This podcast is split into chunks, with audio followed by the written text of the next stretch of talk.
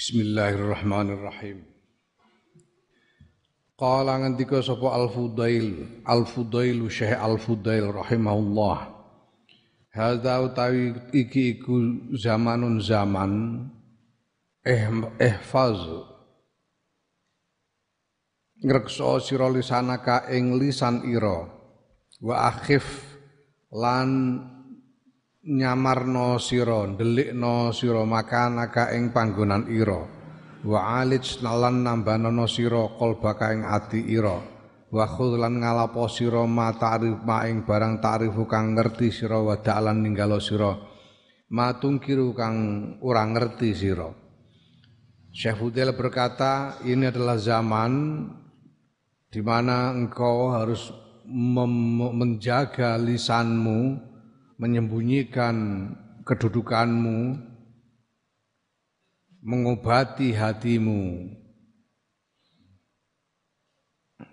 Ambillah apa yang kau tahu dan tinggalkan apa yang kau tidak tahu.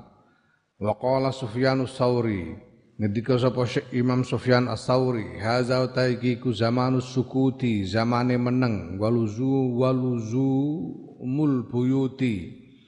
Lan manggon ning omah di rumah saja. Hmm. Warido lan ridho bil quti kelawan kelawan apa panganan sing ana ila antamu ila antamuta tumeka maring ento mati sira. Sufyan Asuri berkata ini adalah zamannya diam zaman di mana kita sebaiknya diam. Ya. Tinggal di rumah dan ridho ridho itu cara Jawane ya terima. Terima. Cara Indonesia ini apa terima itu bahasa Indonesia nya. Hmm. Ya menerima apa adanya dengan makanan yang ada sampai engkau mati. Enggak usah macam-macam. Ya. Sekali lagi perlu diingat ini Imam Sufyan Atsauri ini memberi isyarat kepada zaman beliau pada waktu itu.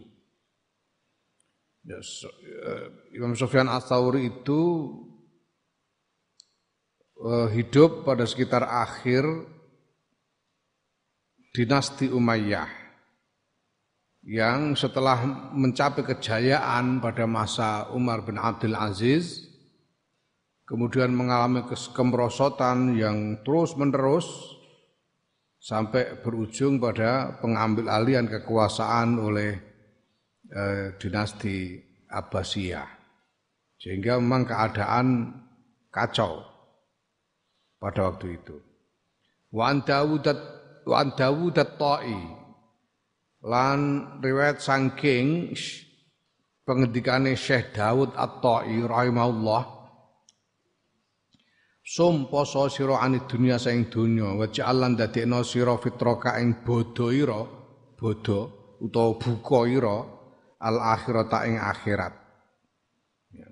wa firalan mlayu sira minan nasi saing menungso firaraka kaya kelawan mlayu ira minal asadi sangking singa Hmm. Syekh Daud At-Ta'i mengatakan berpuasalah dari dunia dan jadikan buka puasamu jadikan akhirat sebagai buka puasamu. Larilah dari menung, larilah dari manusia seperti engkau lari dari singa ya, singa liar yang mengancam keselamatanmu. Wan Abi Ubaidah talan saking dawe Abi Ubaidah Piye ngendikane maro aitu ora weruh ingsun hakiman ing wong wicaksana qattu babar pisan. Illa qala kejaba dawuh sapa hakim li maring ingsun fi aqibi kalamihi ing dalem akhire pengendikane hakim. Piye ngendikane hakim? In ahbab talamun demen sira Allah tu'rafa ya Allah tu'rafa ing yen to ora den kenal sira fa anta mongko ta sira minallah saking Gusti Allah ku ala balin tetap ing atase tingkah kang bagus. Syekh Abi Ubaidah berkata, aku tidak pernah menemui ya, Syekh Ubaidah ini seorang ahli ilmu yang ke sana kemari menemui orang-orang alim yang bijaksana untuk belajar. Dan dia berkata bahwa aku tidak pernah menemui seorang yang bijaksana sama sekali kecuali setiap kali bercakap-cakap di akhir percakapannya orang bijak itu selalu berkata setiap orang bijak akan berkata yaitu apabila engkau senang untuk tidak dikenal orang maka engkau sudah sudah dalam keadaan yang baik artinya engkau itu berarti kamu orang baik, gampangannya ya. Kalau kamu merasa kamu senang kalau tidak dikenal orang, itu berarti kamu orang baik. Sing kepengen dikenal, apalagi kepengen populer, itu mesti wong elek. wong elek. Ya Allah.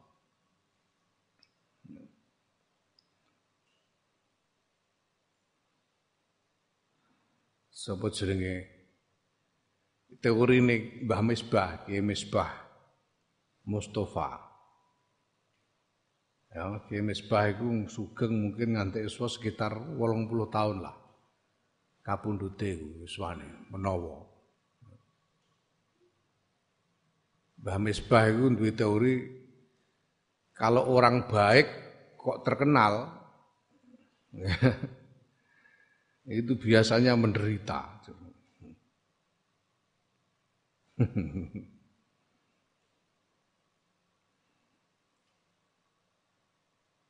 Karena harus apa, menahan diri dari banyak hal.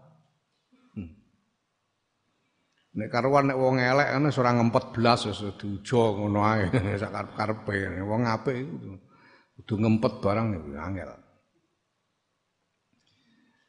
Naam.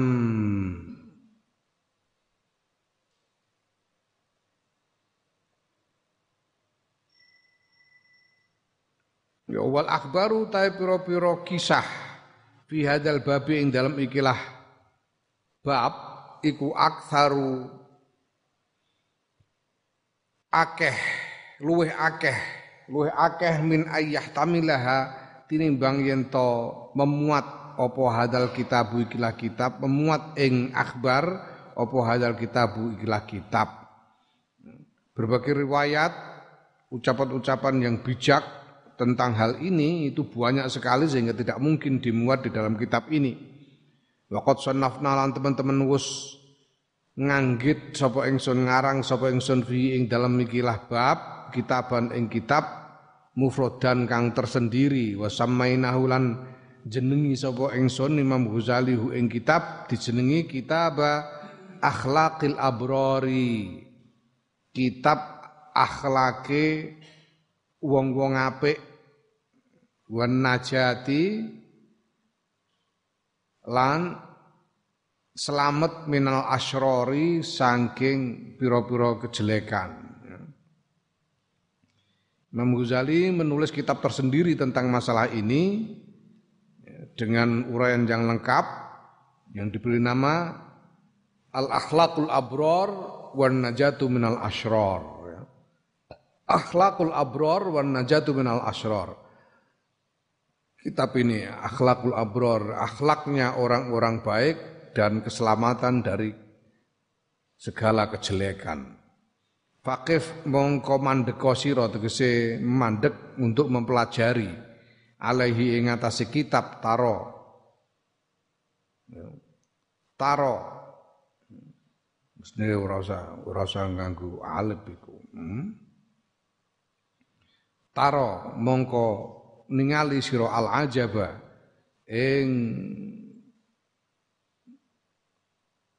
keajib apa jeneng ing ing uh, uh, apa keajiban ya sesuatu yang mengherankan, yang mempesonakan. Al-ujaba kang sangat mempesonakan. Al-ajaba ing keterpesonaan ya. Atau pesona, ya. al-ajaba ing pesona, al-ajaba kang sangat mempesona. Pelajari kitab ini maka engkau akan melihat cara Inggrisnya itu exciting thing, very very exciting, exciting thing, which are very very exciting. Ngas gue kurang mudeng Pesona yang sangat mempesona. Wal aqilu hale utawi wong kang duwe akal iku yakfihi nyukupi ing akil apa isyaraton isyarah Orang yang punya akal itu tidak perlu banyak-banyak diomongi, cukup diberi isyarat secukupnya saja itu sudah faham harusnya. Ya, maka Imam Ghazali tidak memperpanjang pembahasan di dalam kitab ini karena beliau yakin kalian yang sedang mengkaji, mempelajari kitab ini orang-orang yang punya akal, orang-orang yang cerdas, yang cukup diberi isyarah. Ya. Sedikit sudah paham.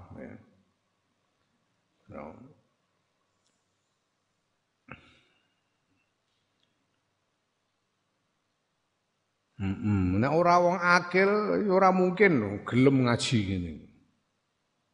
Nek ora wong akil. Mesti ora sudi ngaji. Jadi wong dedel-dedel iku ora, mlane ora ana ana wong bangsa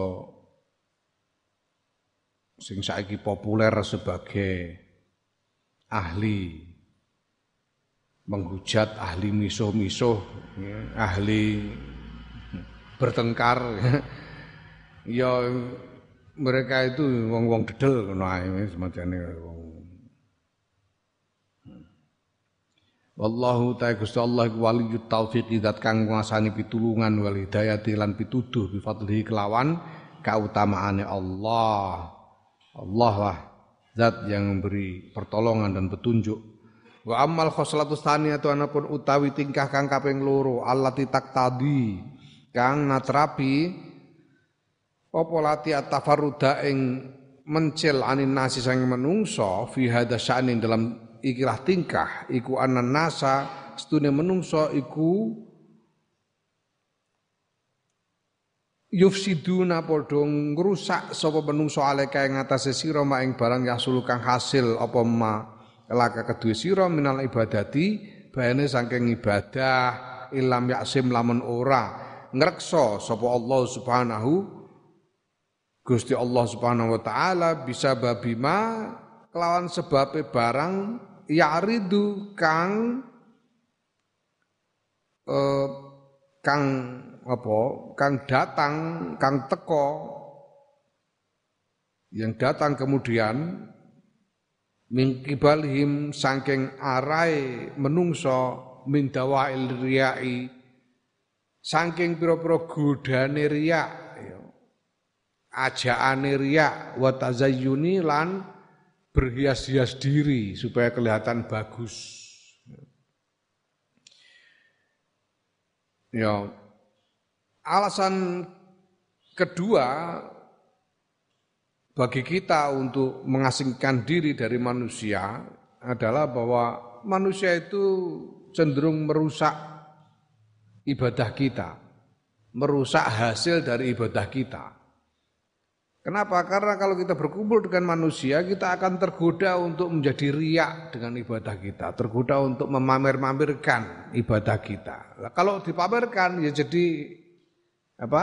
Ya hilang pahalanya. Hmm.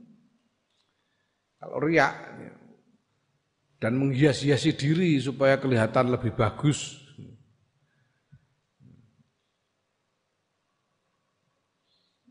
Hmm.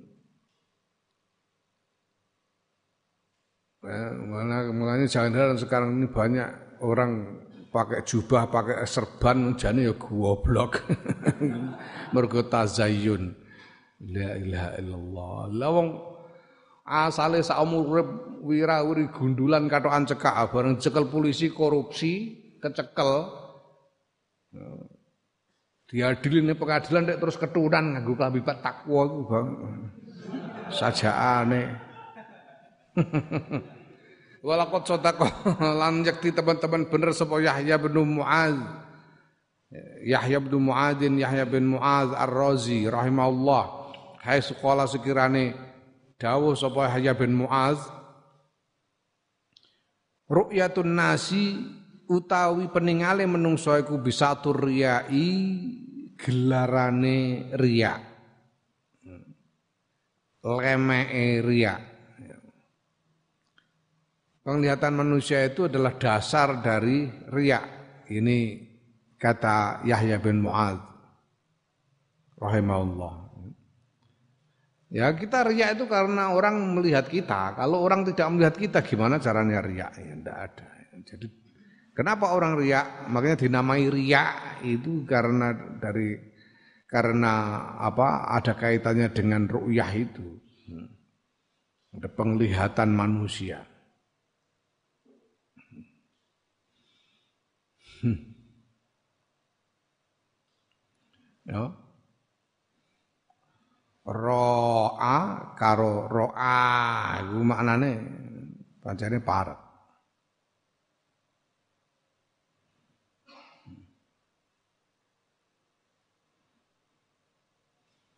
Ya ora iki beda karo azza dan azza. Hmm. Sapa keinginane ana mubalek medsos terkenal kemuni jari takziah itu asalnya saka azza. Mana penting ngaji sorop iku ya. Penting ngaji sorop. Nek orang ngerti sebab ora usah dirembuk. ora ngomong sorop bareng khud ma ta'rifu wada ma tungkiru. Orang ngerti ora usah guneman. Ndak ndak kunangan gobloke iki lho. Konangan gobloke. Oh, nggo eman wis kadung terkenal ngalim. Oh. Wis tau wani jamin swarga barang kok. Konangan gobloke kan boe mane. Ngono ora usah muni nek ora ngerti.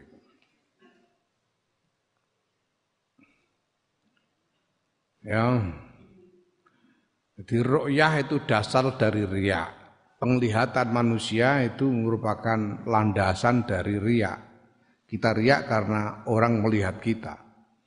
Wa ula izuhadu tapi kula bengkono-kono para ahli zuhud kot khofu teman-teman padha wedi sapa zuhad ala anfusi mengatasi dhewe zuhad min hadal makna saingkilah makna hatta taroku sehingga padha ninggal sapa zuhad al mulaqata ing pertemuan wa tazawura lan uh, kunjung mengunjung lan saling mengunjungi Orang-orang yang zuhud itu begitu takut dengan riak, takut kalau dirinya itu apa tergoda untuk riak, untuk menjadi riak itu sehingga mereka menghindari pertemuan, nggak mau saling ketemu tuh nggak mau, saling mengunjungi juga gak mau. Saking takutnya pada ria. Walakot dzukira lan teman-teman wis den tutur.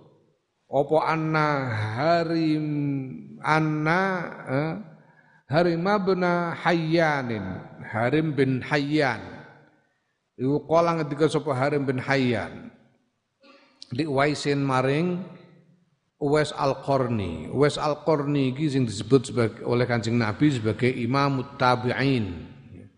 Imame para tabi'in. Uwais Al-Qarni ini asalnya dari Yaman. Dia sebetulnya hidup masih dalam zamannya Kanjeng Nabi Muhammad sallallahu alaihi wasallam ya. Jadi cara Jawa ini menangi saja nih. Dia hidup pada zamannya kanjeng Nabi, hanya dia tidak pernah bertemu kanjeng Nabi sama sekali seumur hidupnya. Tidak pernah bertemu langsung dengan kanjeng Nabi. Seumur hidupnya tidak pernah. Maka dia tidak dimasukkan dalam golongan sohabi, sohabat. Karena tidak pernah bertemu kanjeng Nabi sama sekali. Nah, Was Al-Qarni. Ini Kanjeng Nabi itu sebelum wafat berpesan kepada beberapa sahabat termasuk Sayyidina Umar bin Khattab, Sayyidina Ali bin Abi Thalib dan lain-lain radhiyallahu anhum. Jadi Nabi sallallahu alaihi wasallam itu berpesan nanti suatu ketika kalau ada rombongan haji dari Yaman, tanyakan orang yang namanya Uwais.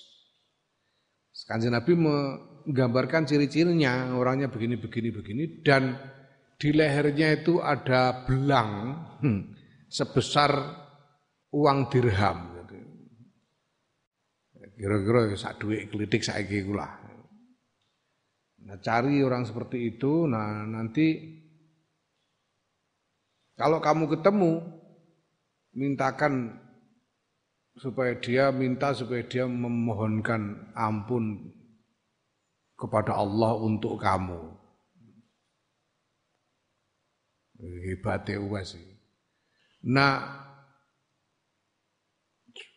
maka setiap musim haji Sayyidina Umar itu nyegat rombongan zaman jegat. Anggaran Yaman Yaman, Yaman. Ana sejenis uas, betul nonton, ya wes takoki. Saben rombongan saka Yaman ditakoki karo Sayyidina Umar setiap haji. Sampai suatu ketika ada rombongan Yaman tanya, sampai ini ada ndak yang namanya Uwais? Terus orang-orang nunjuk, ada, mana orangnya itu? Dia yang anu tukang gembala kambing. Jadi dulu itu orang berpergian karena transportasi tidak mudah, maka ya bekal di jalan itu padahal Yaman ke Mekah itu bisa tidak tahu sampai mungkin berminggu-minggu atau berbulan-bulan. Ya. Perjalanan itu. Nah maka yang paling enak yang membawa bekal makanan yang hidup. Bekal makanan yang hidup. Apa yo? Pedus. Bekal makanannya itu kambing hidup ya, supaya gak usah mikul karena digiring ngono enak. Biasanya lalu di dalam setiap rombongan itu ada orang yang dibayar untuk memelihara kambing-kambing itu, untuk mengembalakannya kalau mereka beristirahat ya, dan sebagainya. Nah ditunjuk ini itu yang tukang gembala kambing itu si Uwais itu loh. Diperlihatkan itu ada orang yang duduk sendiri sambil mengawasi kambing. Didatangi sama Sayyidina Umar. Datangi kemudian ditanya namanya Uwais, ya. dilihat ciri-cirinya, kamu punya belang di leher ya? Enggak, iya. Umar, Masya Allah, aku dipesani oleh kanjeng Nabi supaya kalau bertemu kamu, minta supaya kamu minta mohonkan ampun kepada Allah untukku. Sayyidina Umar. Wah Sayyidina Ali terus melu-melu teko melu. Terus liane melu sehingga terkenal Uwais iki. Sehingga jadi terkenal orang ribut nyari Uwais minta didoakan oleh Uwais ini. Uwais wedi terus melayu ning Kufah. Ora gelem mulih ning Yaman melayu ning Kufah. terus ilang wong golek Uwais ning ndi Uwais enggak ngerti. Nah sampai suatu ketika ada orang yang menemuinya di Kufah. Duh ketemu ning Kufah meneh. Wah terus ribut meneh wong rame meneh wong minta didoakan oleh Uwais ini. Begitu rame orang lagi lari lagi Uwais ini. Dan tidak diketahui di mana gitu. Tidak ada riwayat yang jelas ada sebelah riwayat tapi nggak ada yang terkonfirmasi. Akhirnya gimana Uwais ini? Ini orang yang, yang menyembunyikan diri. Nah ini Harim siapa Syekh Harim bin Hayyan ini berkata kepada Uwais mungkin mengirim pesan kepada Uwais Al-Qarni rahimahumallahu Ya Uwaisu e Uwais silna mbok iya nyambung mbok inggih nyambung panjenengan. Ing kita ing kula biziarati kelawan nilii mengunjungi waliqai lan nemoni.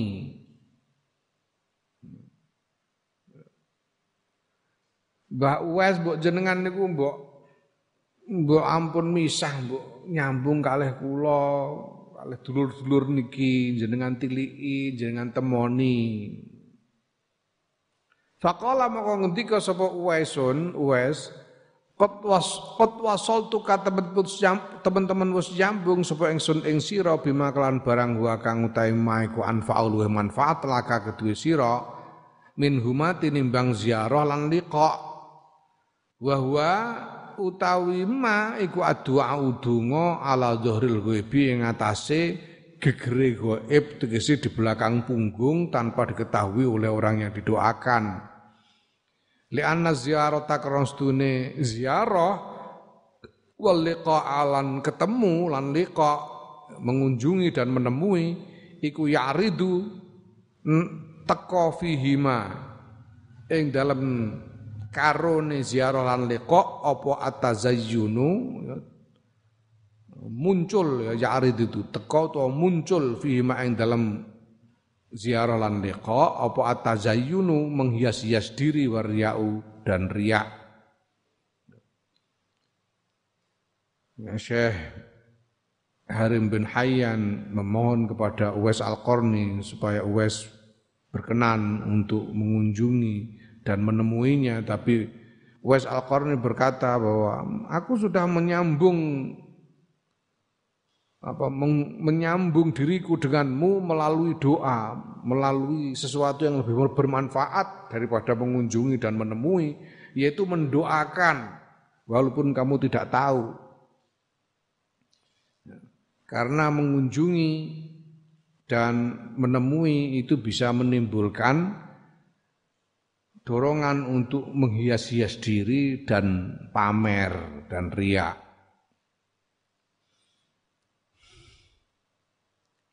Waqila lanten aturake li Sulaiman al-Khawasi maring Syekh Sulaiman al-Khawas hina qadima nalikane rawuh sapa Ibrahim bin Adhama Syekh Ibrahim bin Adham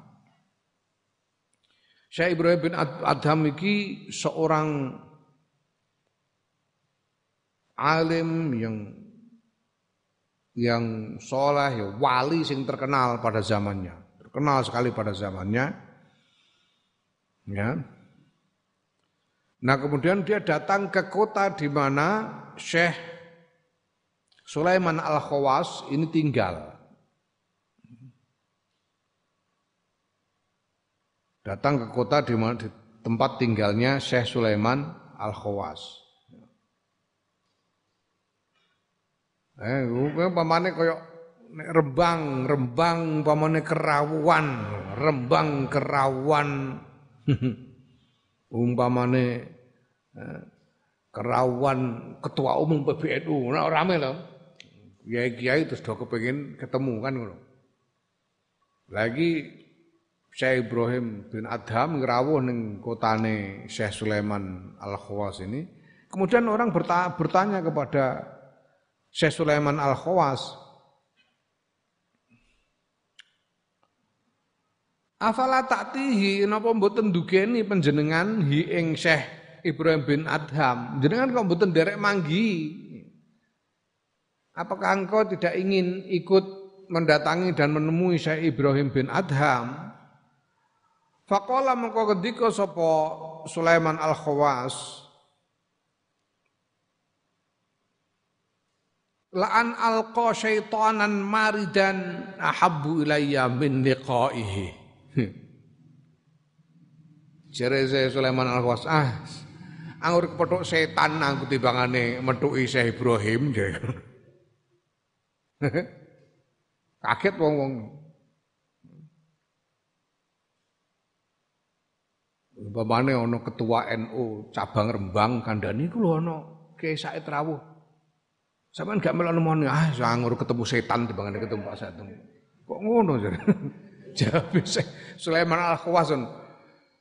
Aku lebih senang ketemu dengan setan hmm, laan yakti yen to nemoni sapa ingsun syaitanan ing setan dan kang duraka iku ahabbu luweh nyenengake ilaya maring ingsun min liqaihi tinimbang ketemu Syekh Ibrahim. Hmm. Aku lebih senang ketemu dengan setan yang durhaka ketimbang ketemu dengan Syekh Ibrahim. Hmm. Kaget. Fastang karu, mongko padha ngingkari sapa wong-wong dalika ing mengkono-mengkono uh, ucapan mingkoli saking ucapane Syekh Sulaiman Al-Khawwaz. Dom kuwi do menung sampean sepuh jenengan Tiang alim soleh wali gede kok malah jenengan luwes seneng ketemu setan niku sepudi. Hmm.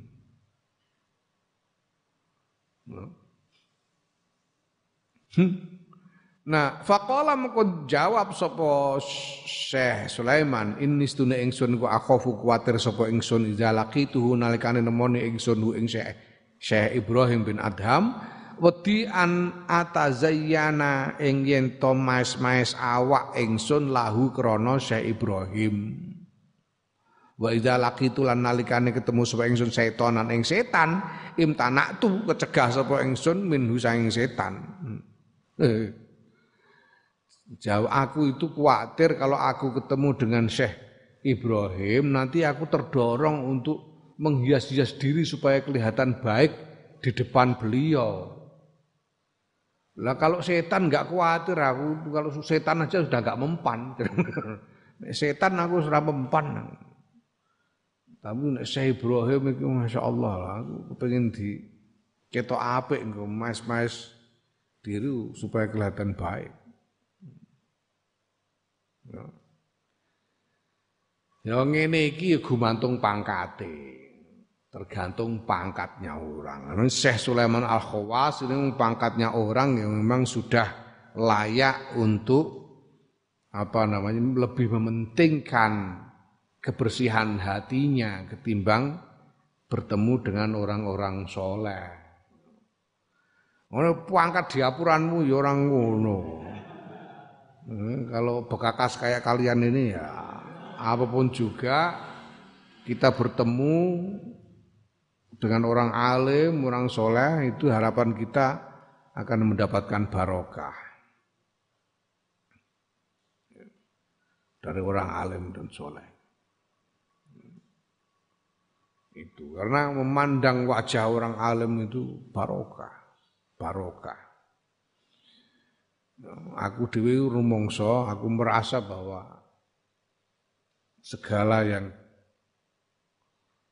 ku capai sejauh ini ini sampai umurku ini ini barokah karena aku dari barokahnya dulu aku sering memandang wajahnya Kiai Ali Maksum itu aja. Ngaji ini nomor loro, yang penting nyawang wajahnya wong alim yang penting. Wong aku biar diulang bahali kadang mudeng kadang ora. Tapi karena sering memandang wajah beliau itu yang menjadikan barokah. Tapi kalau sudah pangkatnya kedudukan seperti Syekh Sulaiman Al Khawas, ya maklum kalau beliau lebih mementingkan kebersihan hati.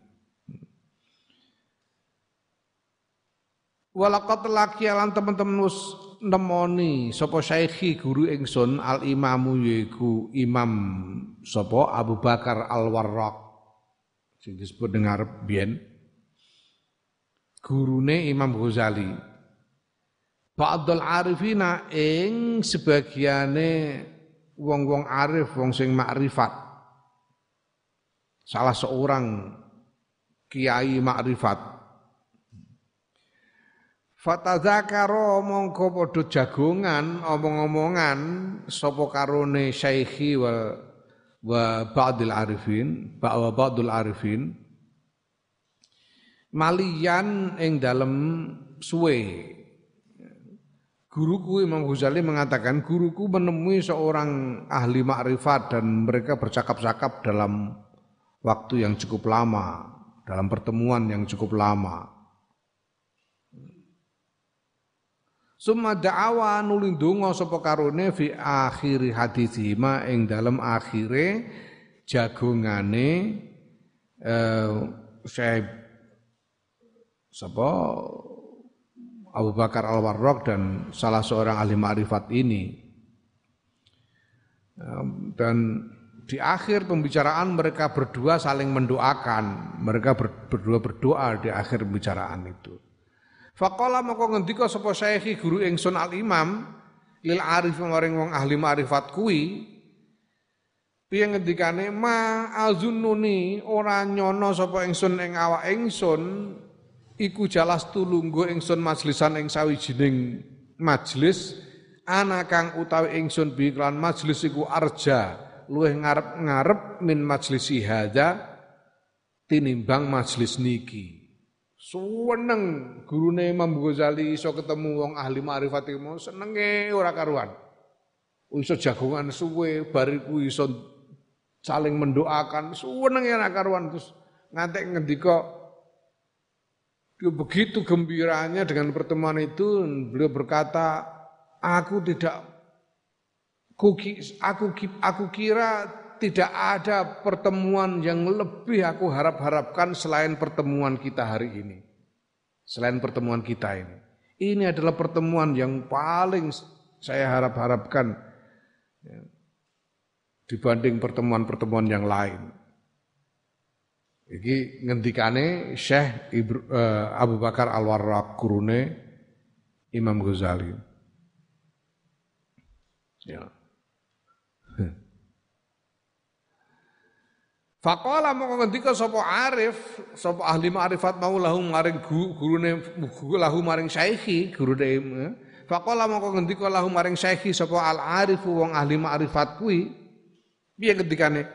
Lakinni lakinni balik setune ingsun iku majalastu ora lungguh ingsun majlisan ing sawijining majlis anak kang utawa ingsun lahu maring majlis iku akhwafu paring kuatir luweh kuatir min majlisi hadza tinimbang pelungguan ingsun niki. Jare wong alim arifat, wah nek kula malah niki sing paling kula wedeni, jagungan koyo ngeten niki sing paling kula wedeni. Pertemuan seperti ini, kalau saya malah pertemuan seperti ini, ini yang paling saya takuti. Kata si ahli ma'rifat tadi. Alasta Napa napa to boten wonten panjenengan niku na'midu nejo panjenengan ila ahsani hadisika maring paling baguse pembicaraan panjenengan wa ulumikalan pinten-pinten ilmu panjenengan. Fatu hadithuni mongko nuli ngendikaake panjenengan ing ingsun biha kelawan ahsani hadis wa, wa ulum. Ahsanil hadis wal ulum. Eh, wa tuzhiruha lan panjenengan wa tazharuha ngono ae.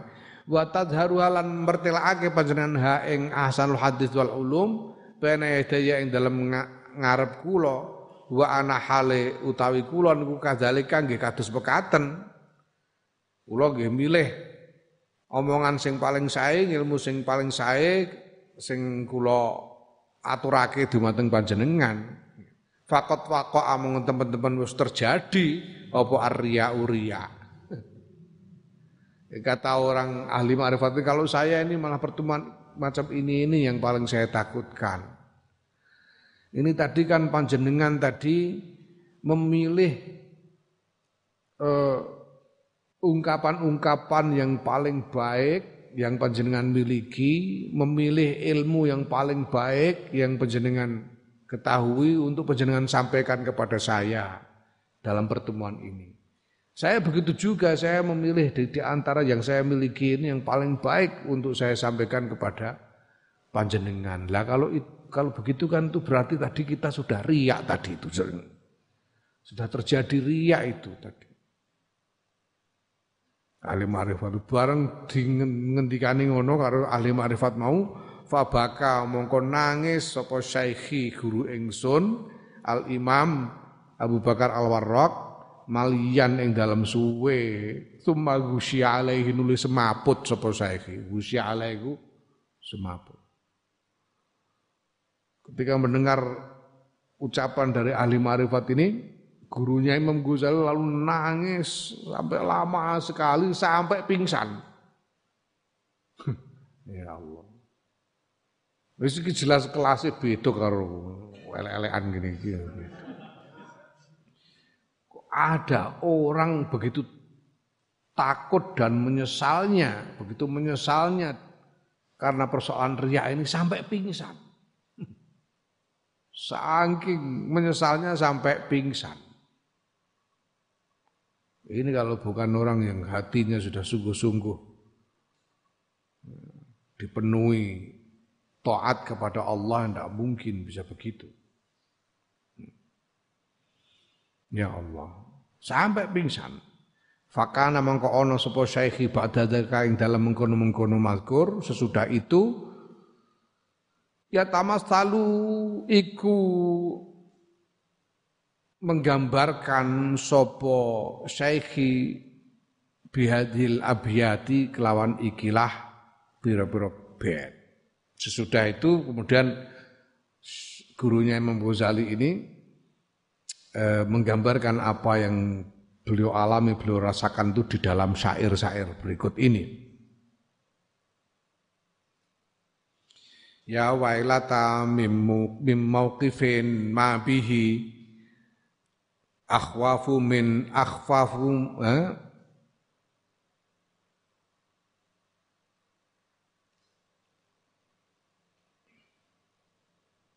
akhwafu la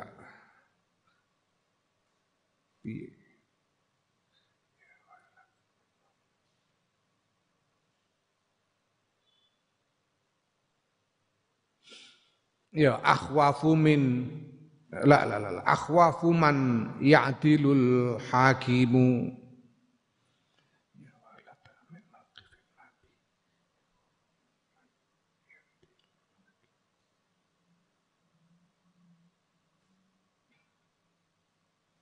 Kita ono sing kurang iki.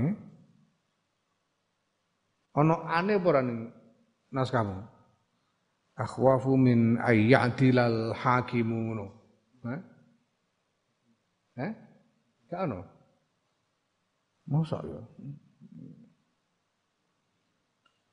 La ala suap iku ono aneh.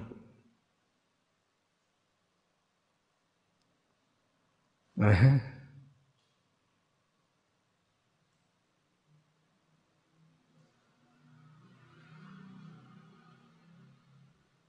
Kita soalnya lu pantas dari segi apa jenenge dari segi eh, dari segi bahar maupun makna.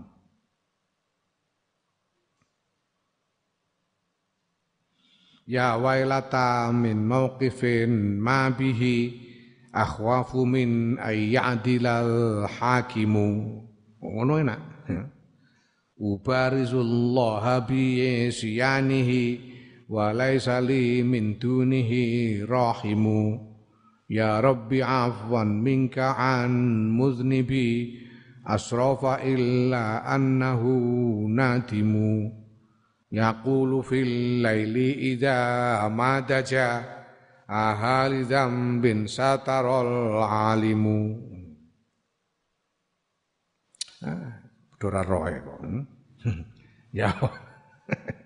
Ya wahila taduh cilaka ingsun min mauqifin saking panggonan mabihi yaiku panggonan bihi kang kelawan ma akhwa akhwafu luweh kuatir luweh nguatirake min ayadila saking yen to ngadili sapa al hakimu hakim sapa hakim niku Gusti Allah sing ngadili. Ubarizu terang-terangan memperlihatkan dengan terang-terangan ku ubarizu. Terang-terangan sapa ingsun Allah ing Gusti Allah bi kelawan maksiati Allah. Walai sali lan ora ana kuli tetep kedue ingsun min duni tinimbang eh, saking saliyane Allah.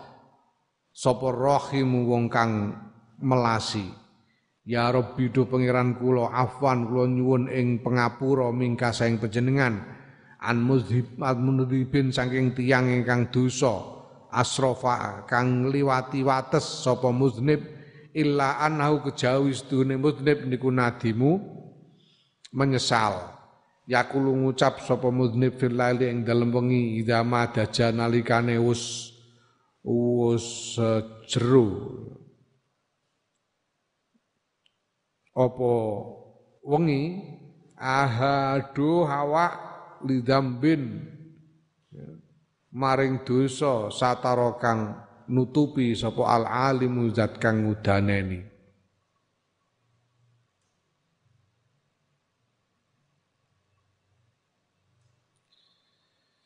Ya celakalah aku gara-gara satu aku berhenti di satu tempat yang kemudian yang paling kutakuti dari pengadilannya sang pengadil. Aku terang-terangan bermaksiat kepada Allah sedangkan tidak ada selain Allah yang mengasihaniku. Wahai Tuhan,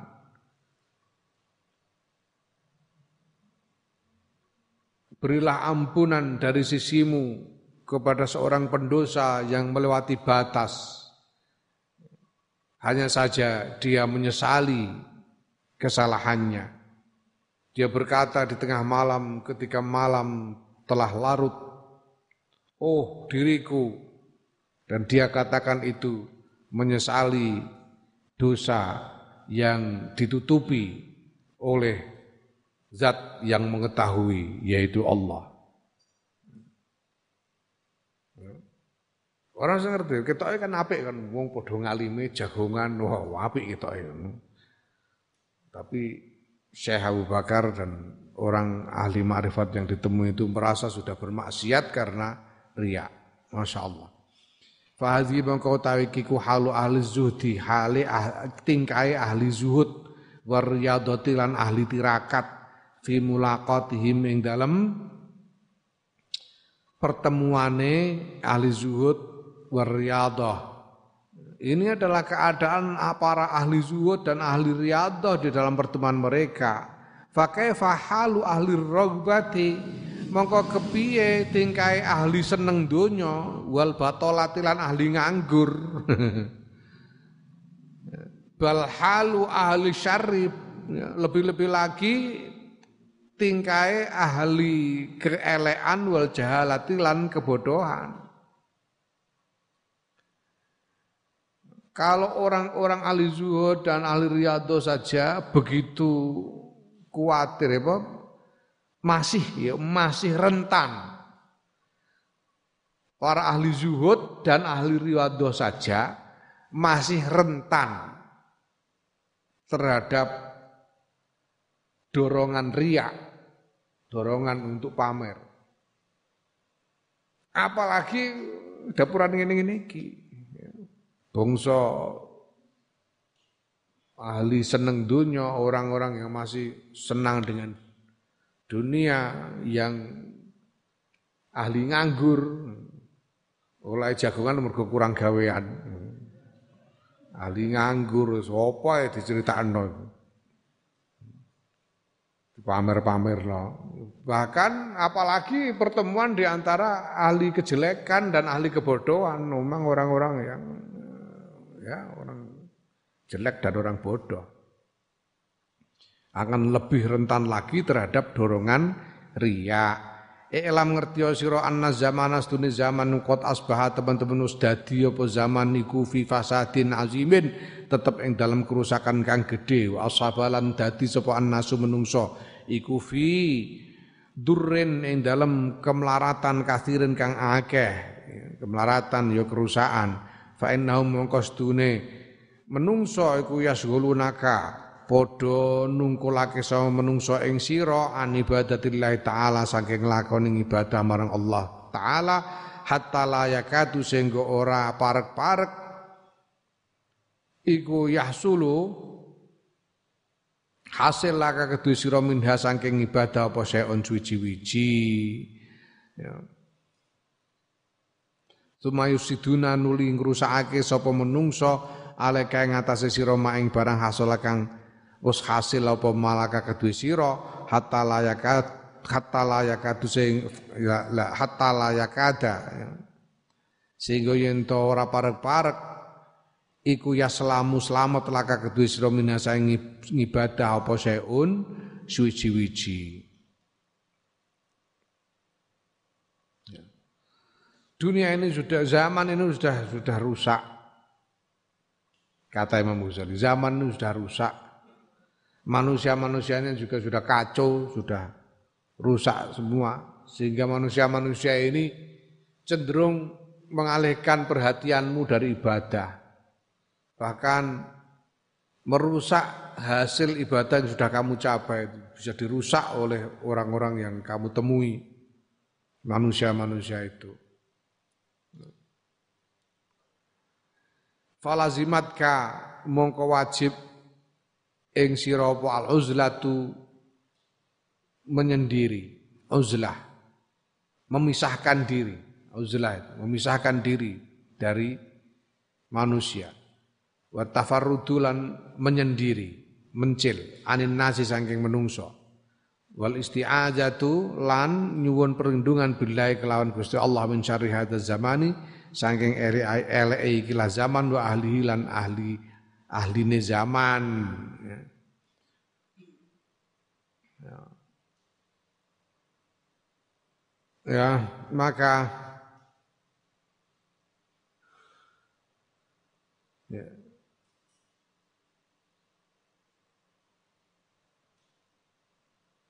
Wajib engkau wajib, engkau sebetulnya sudah wajib untuk memisahkan diri dari manusia mengasingkan diri dari manusia dan mohon perlindungan kepada Allah dari kejelekan zaman ini dan orang-orang yang hidup di zaman ini. Wallahu ta'ala Allah taala halim luhur Allah ku al hafidhu dat kang ngrekso bi fadli kelawan kautamane Allah wa rahmatihi lan rahmati Allah. Allah taala adalah zat yang menjaga kita dengan kemurah hatian dan belas kasihannya.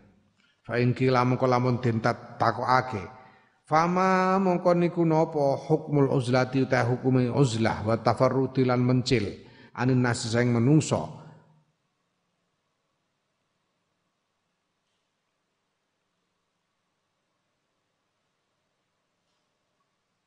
Fabayyin mongko mbok inggih nerangake panjenengan lana maring kita halat tabaqatil khalqi ing tingkai piten-piten tingkatane makhluk fiha ing dalam uzlah wal hadalan batasan alladzi yajibu kang wajib apa laziminha saking uzlah. Nah, kalau ada orang bertanya, hukumnya uzlah itu apa? Hukumnya uzlah dan mengasihkan diri dari manusia itu bagaimana? Tolong jelaskan kepada kami keadaan dari tingkatan-tingkatan manusia terkait dengan uzlah ini dan bagaimana sampai batas mana uzlah itu wajib. Imam Ghazali akan menjawab fa'lam ngerti sira rahimakallah. Muga-muga melasi ing sira sapa Allah Gusti Allah. Wa iyana lan ing ingsun Imam Ghazali. Ngerti anan nasa ing sedune menungso fi hadal babi ing dalem ikilah bab iku rajulani ana rong macem wong rong macem wong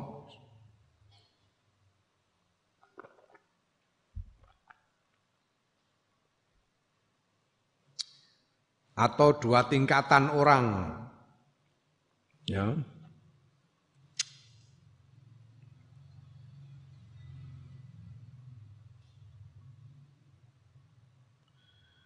Mm Rajulun utawi sawijining wong iku la hajat ta ora ana hajat iku maujud bil khalqi kelawan makhluk ilahi maring rajul fi ilmin dalam ilmu bayan hukmin lan penjelasan hukum.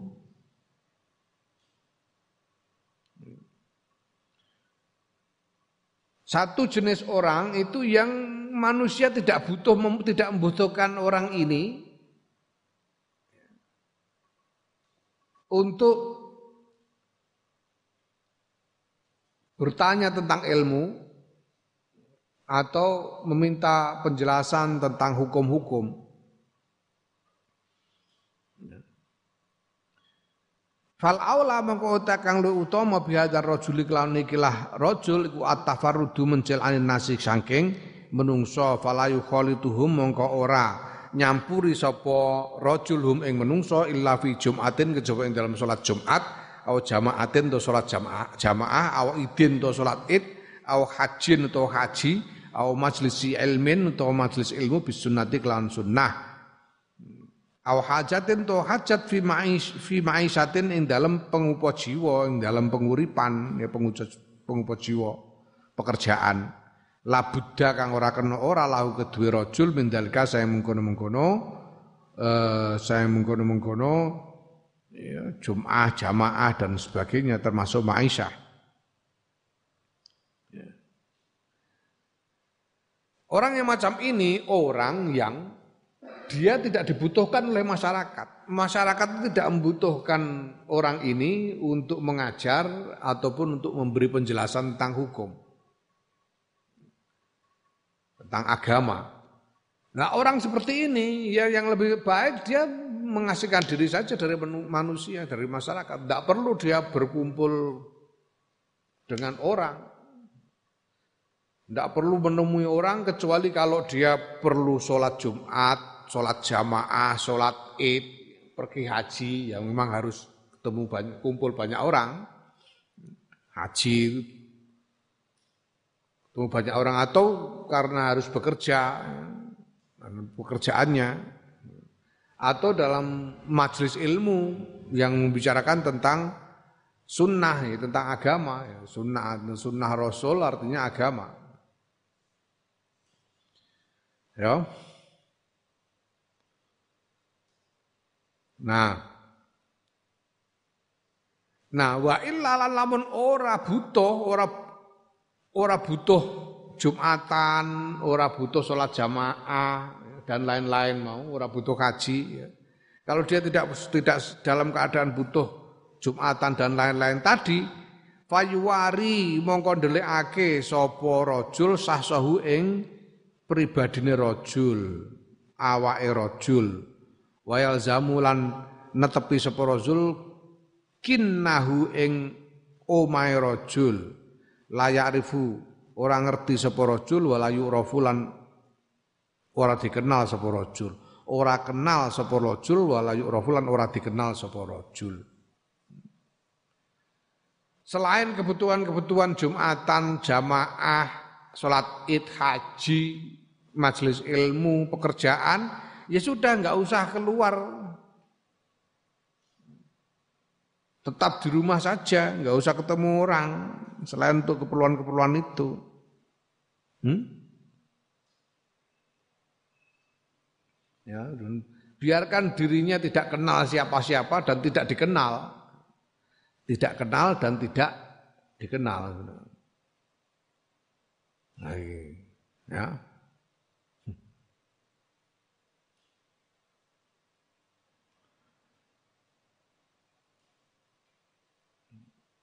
Kelihatannya memang ada orang-orang semacam ini yang kita tidak tahu. Orang yang tidak kenal siapa-siapa dan tidak dikenal. Karena dia menghindarkan diri dari membatasi pergaulannya dengan manusia ora tahu dolan ya. Orang gawe akun medsos barang ya ora. Ora weanan sak piturute wis ora usah kenal wong, tidak mengenal orang tidak dikenal.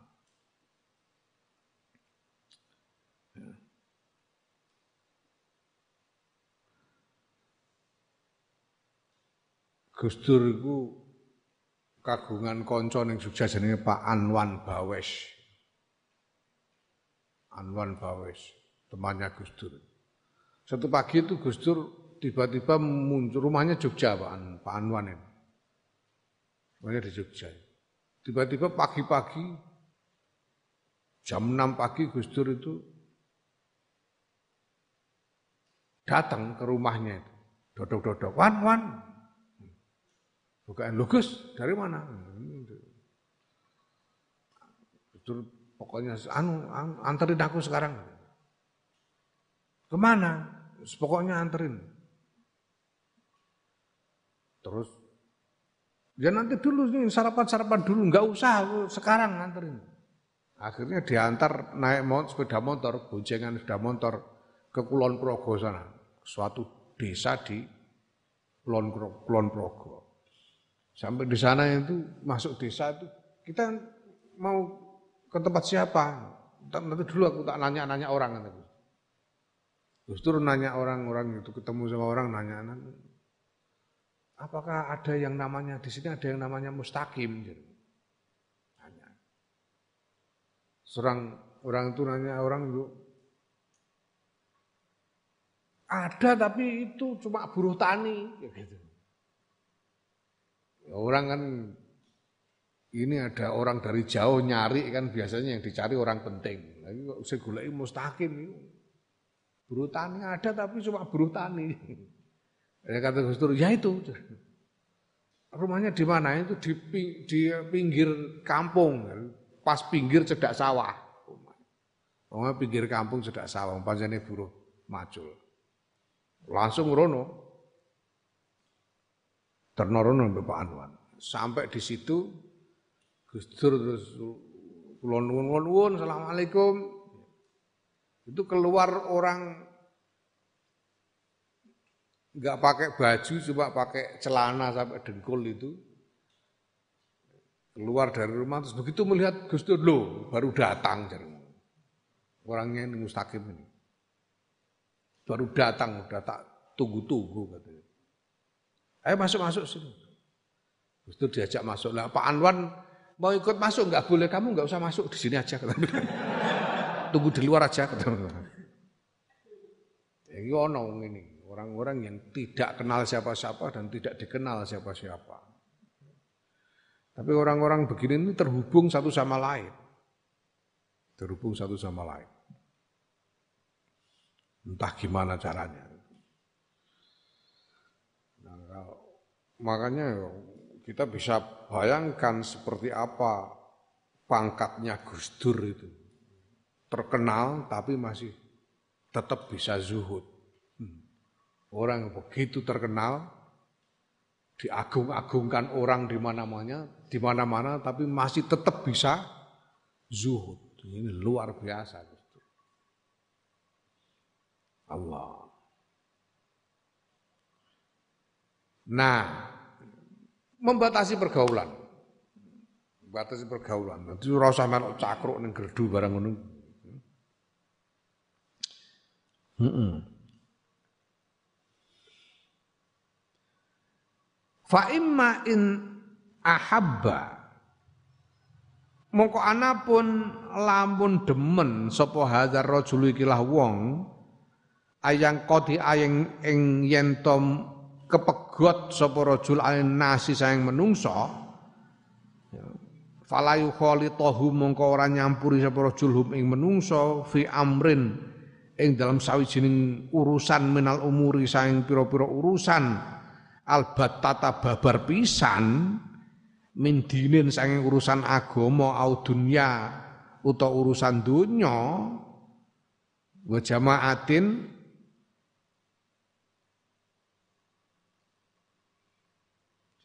wa jamaatin lan salat jamaah wa jumat lan salat jumat au ghairi utawa liya au ghairi hima utawa jamaah lan salat jumat lima krono barang yaro kang ningali sapa rajul lahu kedhewe awake rajul fi zalika ing dalam mengkono-mengkono mengkono-mengkono ketemu menungso campur karo menungso ningali min min maslahatihi la la la fi zalika ing dalam mengkono-mengkono megot hubungan sangka menungso ningali min maslahatin saing min maslahatihi saking maslahate rajul wa faraghihi lan apa hmm, lan eh, konsentrasi ini rojul, ketekunane rojul, eh, fa innahu maqasdune rojul iku laya sauhu ora nglegani hu ing rajul apa zalika mengkono-mengkono megot sama sekali saka menungso illa bi ahadi amro ini kejaba kelawan salah sejine perkara loro. Ya, adapun kalau seseorang itu ingin sama sekali putus hubungan dari manusia, tidak mau urusan sama sekali dengan manusia.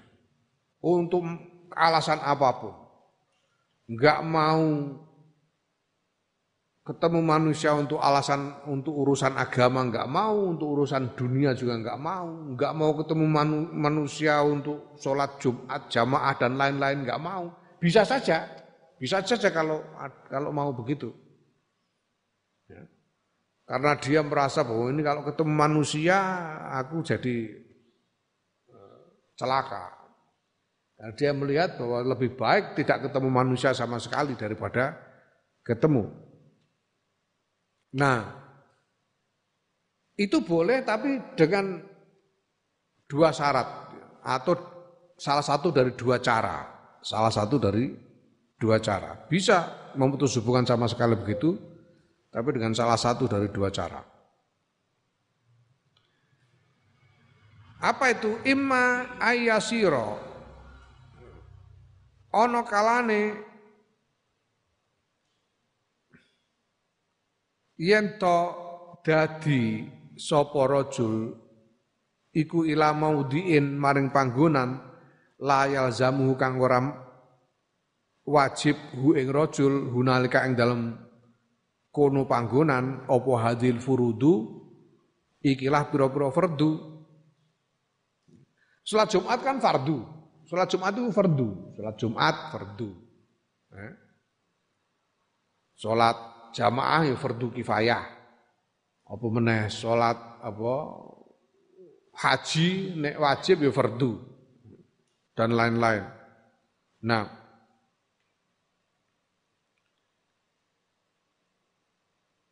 maka dia bisa putus hubungan kalau mau dia bisa putus hubungan sama sekali, menghindar sama sekali dari pertemuan dengan orang, termasuk tidak mau ikut jumatan, tidak mau ikut jumat, tidak mau ikut sholat jamaah, tidak mau apa-apa sama sekali, tidak mau ketemu sama sekali. Dia dia harus cari tempat pertama, mungkin dia lakukan dengan mencari tempat yang menjadikan semua hal yang wajib itu menjadi tidak wajib nyari tempat yang di situ Jumatan tidak wajib. Menjadikan Jumatan tidak wajib buat dia. Dia mencari tempat yang menjadikan apa namanya sholat jamaah juga tidak wajib buat dia. Lah contoh tempat macam itu apa aja misalnya? Karu usul jibali kaya pucuk piro-piro pucuke gunung wa butunil audiyati lan pira-pira tengahe padang pasir warna lan padane eh, padang pasir ya cari tempat yang betul-betul terasing terpencil sama sekali seperti di pucuk gunung di tengah padang pasir di tengah hutan hidup sendirian ya Nek urip dhewean ning dhuwur gunung ya ora wajib Jumatan, Jumatan karo sapa? Jumatan. Ndak bisa sholat Jumat, ndak bisa sholat jamaah juga wong sendirian. Cari tempat yang menjadikan dia tidak terbebani oleh kewajiban untuk bertemu dengan manusia.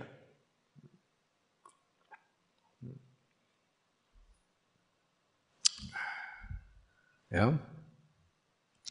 Wala Allah hadza lan menawa-menawa apa iki iku ahadul wujuhi salah sijine pira-pira wajah Allah tidaat kang ngundang apa lati al ubada ing para ahli ibadah ila tilkal mawadhi maring ikulah mengkono-mengkono pak pira-pira panggonan al baidati kang adoh ane nasi sayang menungso. Alasan inilah yang menjadikan sejumlah ahli ibadah memilih untuk menjadi pertapa di tempat-tempat yang jauh dari manusia. Dari dulu ada. Hmm? Orang-orang yang bertapa seperti ini karena tidak tidak mau berhubungan dengan manusia, memencilkan diri di tengah hutan. Wa imma, nah kalau tidak begitu, kalau dia tidak pergi ke tempat yang terpencil, ada yang melakukan berbeda. Wa imma ayat tayak wa imma ayat tayak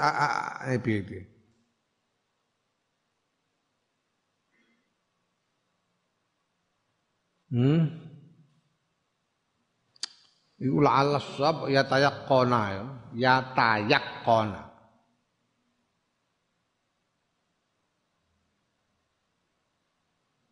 Jadi itu kebalik itu. Ayat ayat kono yang tong yakini. Ya takina iku apa gak ono. Ya tayakkona. Ya. Wa imma ayatayakkona ayatayakkona wa imma ayyatayaqqana lan ana kalane yen tong yakini sapa rajul bil hakikati kelawan nyatakake anad dororo ing stune bahaya alladzi yalhiquhu kang nemoni apa ladhihu ing rajul fi latatin nasi fi mukha latatin nasi ing dalem nyampuri menungso iku bisa babi hadil furudi ya, bisa babi hadil furudi sebab ikilah pira-pira fardu iku ya. khobare buri bisa babi hajil furudi kelawan sebab nglakoni ikilah pira-pira fardu salat Jumat jamaah dan lain-lain iku ya. iku a'zamu luweh gede mintar kiha tinimbang ninggal pira-pira fardu atau mungkin orang ini yakin sekali dan dia betul-betul uh, membuktikan bahwa melaksanakan ibadah-ibadah wajib seperti sholat Jumat dan lain-lain itu itu lebih berbahaya daripada tidak. Ya. Dosanya lebih besar buat dia apa bahayanya lebih besar dari buat dia daripada dosanya tidak menjalankan sholat Jumat. Ada yang begitu. Ya. Ya. Iku azamu min tarkiha. Fakhina idzin mongko ing dalem nalika iku yakunu ana lahu kedue rajul apa udrun alasan fi tarkiha ing dalem ninggal furud. Pada saat itu dia punya alasan untuk tidak melaksanakan ibadah-ibadah wajib tadi. Walaqad ra'aitu lan yakti teman-teman bos weruh ingsun ana ya ingsun Imam Ghazali bima kata ing dalam kutha Mekah harasaha muga-muga ngreksa ing Mekah sapa Allahu Gusti Allah ingsun weruh ba'dul masyayikhi ing sebagiane kiai ya sebagian syekh al munfaridina kang padha mencil min ahli ilmi saking di antara ya ahli ilmu Imam Ghazali ini pernah ketemu dengan salah seorang alim, salah seorang ulama di Mekah yang mengasingkan diri dari masyarakat. Ya. Wa huwa ale utawi ba'dul masyayikh iku layah duru ora nekani ora menghadiri sapa Syekh Al Masjidil Haram ing Masjidil Haram fil jamaah ing dalam pira-pira jamaah ma'aqurbi sertane parke Syekh minhu saking Masjidil Haram. Wa salamati halihi lan selamete tingkai syekh. Dia sendiri dalam keadaan sehat rumahnya dekat dari masjid tapi tidak pernah mau datang ke masjid. Hmm. ada seorang Imam Ghazali pernah ketemu seorang syekh ahli yang alim tapi mengasingkan diri dari masyarakat tinggal di Mekah rumahnya dekat dengan masjid dan beliau sehat-sehat saja tapi tidak pernah mau datang ke masjid untuk jamaah maupun sholat Jumat. Fahawartu mongko ngrembuki sapa ingsun Imam Ghazali hu ing Syekh fi zalika ing dalem mengkono-mengkono mazkur yauman ing dalem siji siji dina fi hali taraddudi ing dalem tingkae bolak-balik ingsun ilahi maring Syekh. Nah Imam Ghazali ini kemudian bolak-balik mengunjungi si Syekh ini. Bolak-balik datang ke Syekh itu. Nah pada satu kesempatan Imam Ghazali membicarakan dengan saya itu tentang kenapa dia tidak mau datang ke Masjidil Haram. Fatakara mongko nutur sapa Syekh min udri saking alasane Syekh maing barang asarna kang aweh isyarah sapa ingsun Imam Ghazali ilahi maring ma.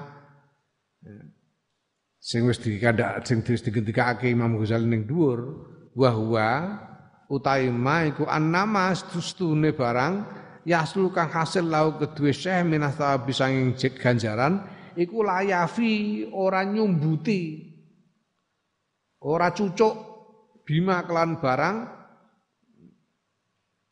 yalhaquhu kang nemoni apa mahu ing kang nemoni uh, apa mahu ing syekh minal asami saing pira-pira dosa wa tabi'ati lan pira-pira tuntutan fil khuruji ing dalem metu ilal masjid maling masjid wa liqa'in nasi lan nemoni menungso. Lalu kemudian beri alasan gini loh ya, aku ini kalau pergi ke masjid aku dapat pahala, tapi enggak apa? Enggak cucuk, enggak sumbut, hmm, tidak sepadan dengan dosa-dosa yang dosa-dosa yang hmm, yang akan kudapatkan kalau aku keluar bertemu dengan manusia. Itu alasan. Maka dia memilih untuk tidak keluar. saiki wis angel mergo saiki iku Masjidil Haram wis rame ne ora karuan saiki. Ndak pernah sepi. Dulu itu sekitar tahun 90-an, aku mungkin Mekah itu mulai tahun 96. Pada waktu itu itu ada masa-masa di mana Masjidil Haram itu tidak terlalu ramai. Tidak terlalu ramai seperti sekarang. Ya, cukup lengang sehingga kita bisa melihat orang-orang dengan lebih apa leluasa karena nggak terlalu banyak orang. Sekarang sudah sulit, terlalu rupak.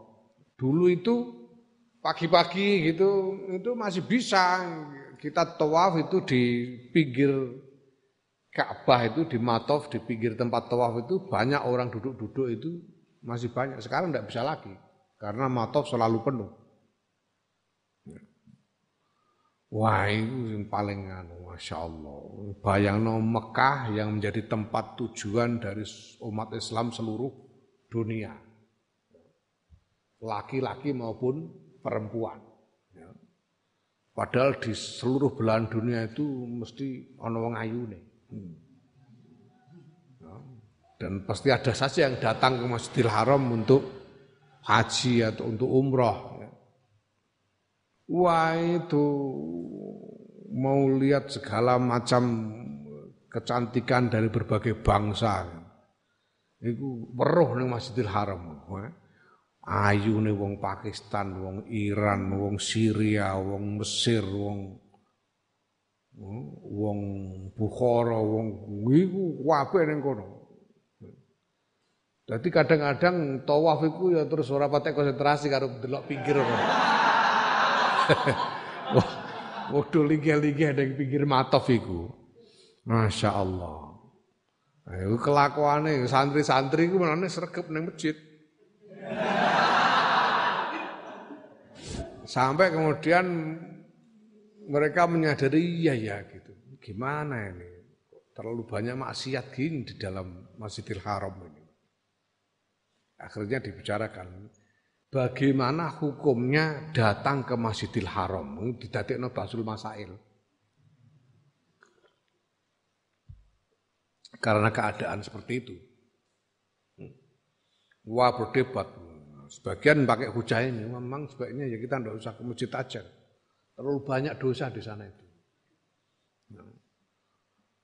Belum sampai ke masjid di jalan itu aja udah banyak dosa. Di dalam masjid apalagi. Tapi kemudian ada pendapat yang akhirnya diterima oleh semua orang. Karena peserta Basul Masail itu saya Joko kabeh pancene.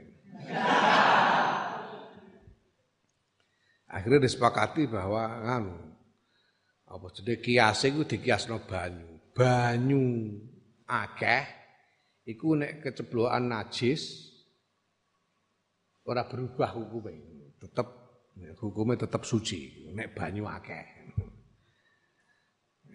Lah saiki Masjidil Haram ganjaran gedene ra karuan, keceblokan maksiat delok wong ayu ngono ae ora. Ora berubah hukum.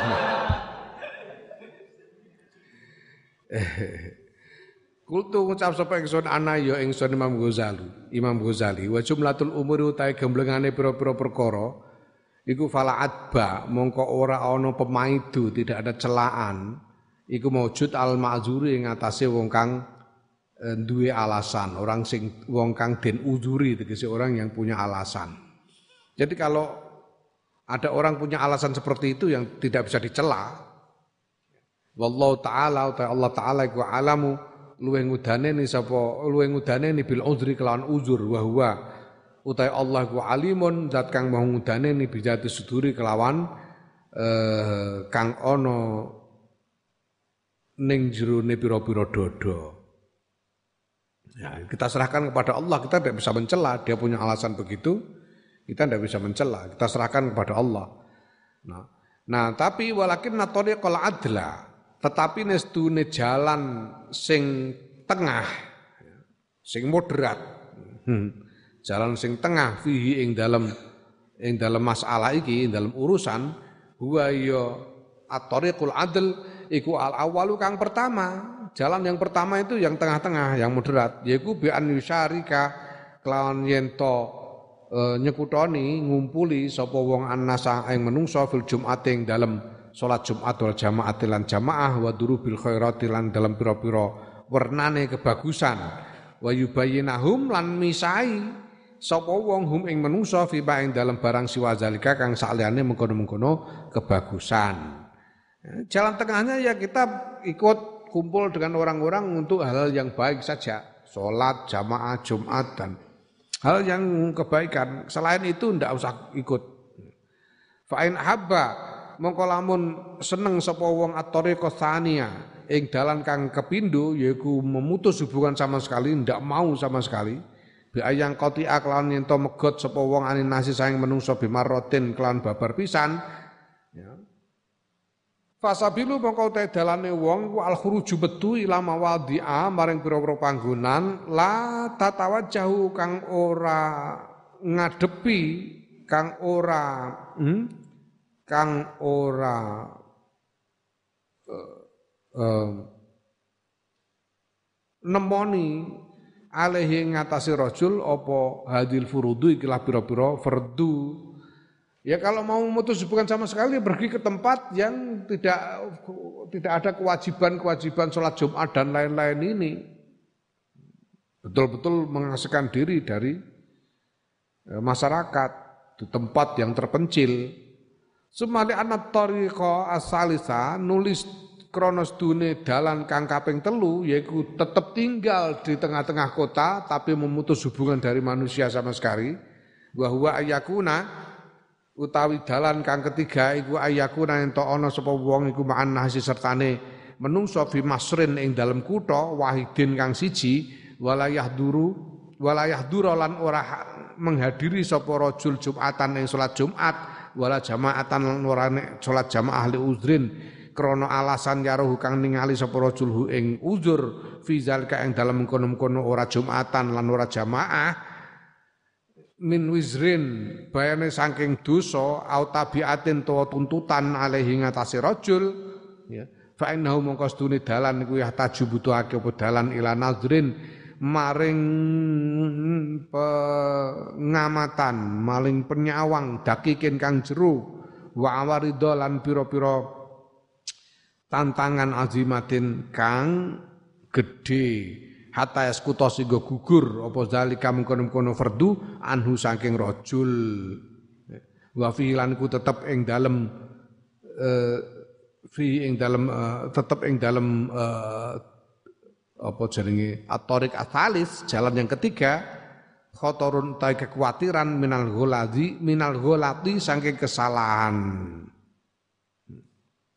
kalau jalan ketiga tinggal di kota tapi memutus hubungan dari manusia sama sekali tidak mau ikut jumatan tidak mau ikut jamaah tidak mau kumpul dengan orang sama sekali ya ya dia harus betul-betul punya pengamatan yang mendalam sekali tentang keadaannya Dan melakukan itu itu merupakan tantangan tantangan yang besar sekali. Dan apa pun yang dia uh, simpulkan